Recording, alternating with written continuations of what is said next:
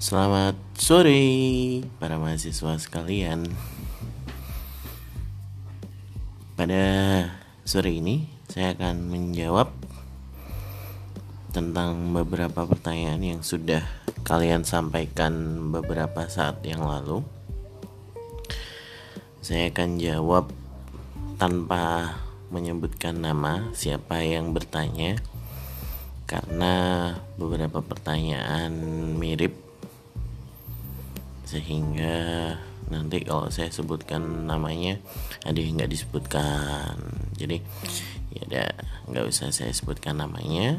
Langsung saya bacakan pertanyaannya dan juga jawabannya apa.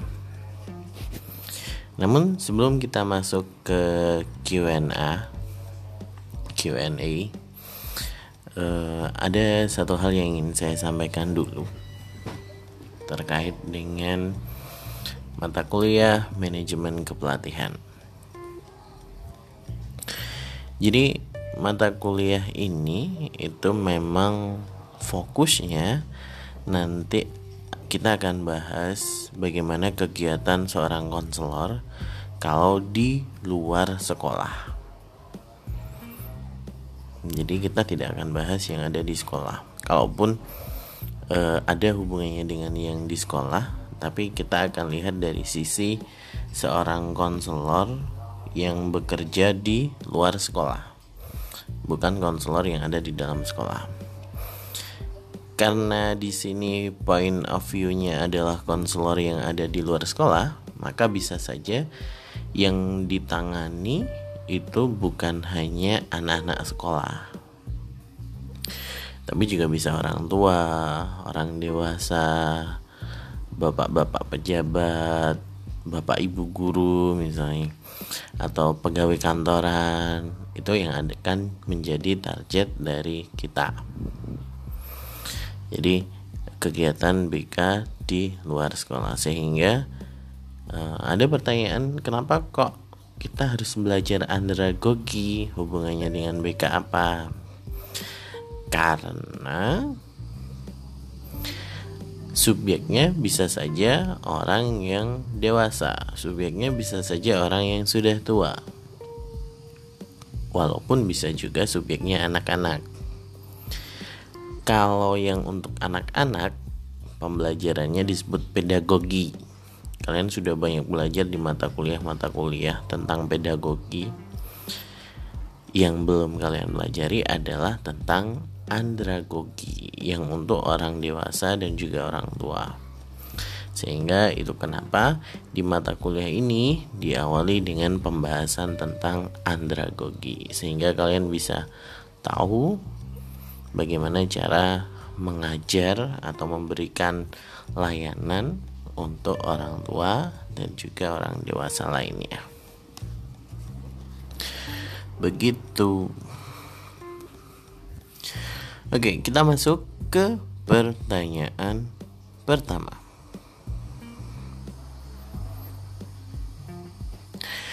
Dalam penentuan tujuan di andragogi itu kan ada yang berbeda dengan pedagogi.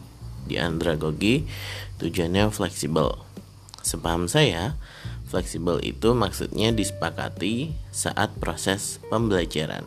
Apakah itu benar? Jika benar, bagaimana cara kita mempersiapkan rencana pembelajaran sedangkan kita belum memiliki tujuan sebelumnya? Ya. Yang disampaikan adalah benar. Jadi uh, fleksibel itu maksudnya disepakati dalam proses pembelajaran tetapi yang perlu kita ingat misalkan kita mau memberikan pelatihan tidak mungkin kita tiba-tiba memberikan pelatihan tersebut ada proses perencanaannya misalnya dari pihak panitia atau pihak konselornya bertemu dengan salah satu perwakilan dari pekerja yang akan kita beri pelatihan. Kita ngobrol, kita diskusikan tentang kebutuhan pelatihan para pegawai di tempat ini itu seperti apa, permasalahan-permasalahan yang terjadi apa. sehingga uh, saat pertemuan awal tersebut rapat sebelum kegiatan pelatihan nah di situ kita membahas tujuan yang kita sesuaikan dengan kebutuhan para pekerja atau subjek yang akan kita beri layanan pelatihan. Jadi uh, fleksibilitasnya memang fleksibel tapi tetap kita karena kita memang butuh perencanaan maka sebelum kegiatan itu dimulai kita perlu rapat awal dulu ya kalau di BK istilahnya need assessment dulu lah kebutuhannya seperti apa sehingga tujuannya itu bisa kita rumuskan nah yang disebut dengan fleksibel itu seperti apa? Jadi bisa saja misalnya kita mau uh, memberikan pelatihan service excellent. Bagaimana kita melayani pelanggan dengan baik. Bagaimana kita punya public speaking yang bagus. Mungkin kebutuhan satu kantor dengan kantor yang lain berbeda. Kebutuhan uh, berdasarkan permasalahan yang ada di masing-masing kantor tersebut itu mungkin berbeda-beda sehingga tujuannya di situ disebut dengan fleksibel karena menyesuaikan dengan kebutuhan. Tapi tetap ini kita harus rumuskan sebelum pelatihan itu dimulai. Pertanyaan kedua. Dalam kegiatan manajemen kepelatihan disebutkan ada kegiatan menyusun kriteria. Kriteria yang seperti apa yang dimaksud? Ya, jadi dalam kegiatan pelatihan itu memang ada kegiatan menyusun kriteria. Jadi saya ulangi lagi ya.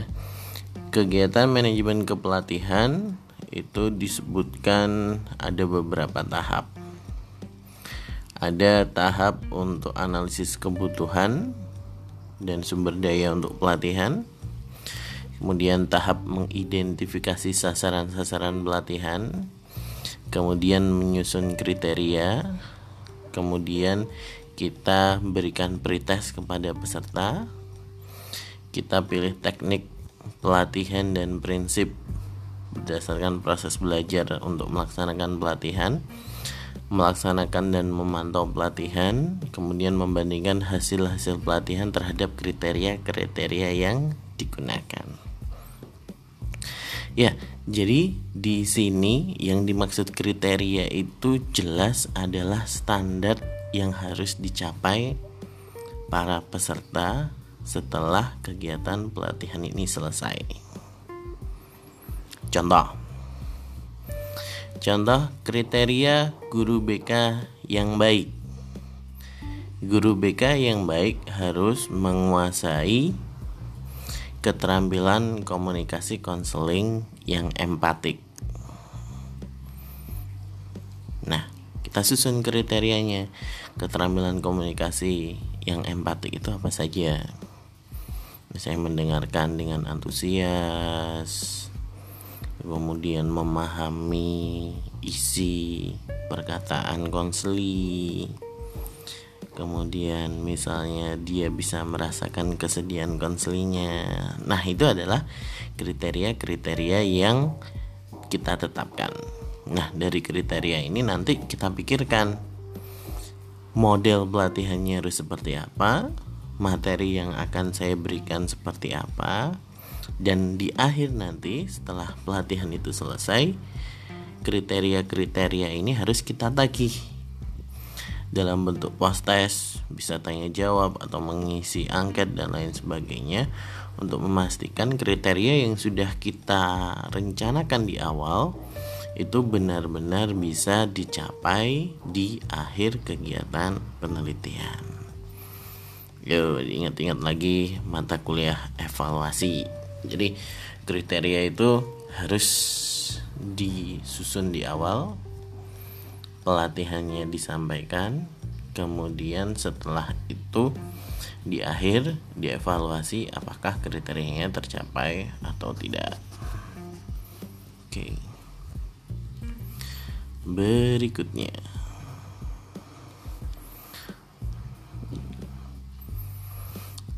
Menurut Hanselman, andragogi lebih mengarah pada kegiatan membantu orang dewasa dalam proses belajar ketimbang sekolah bagi orang dewasa. Nah, dari pengertian itu, contoh proses belajar yang akan diberikan kepada orang dewasa itu seperti apa?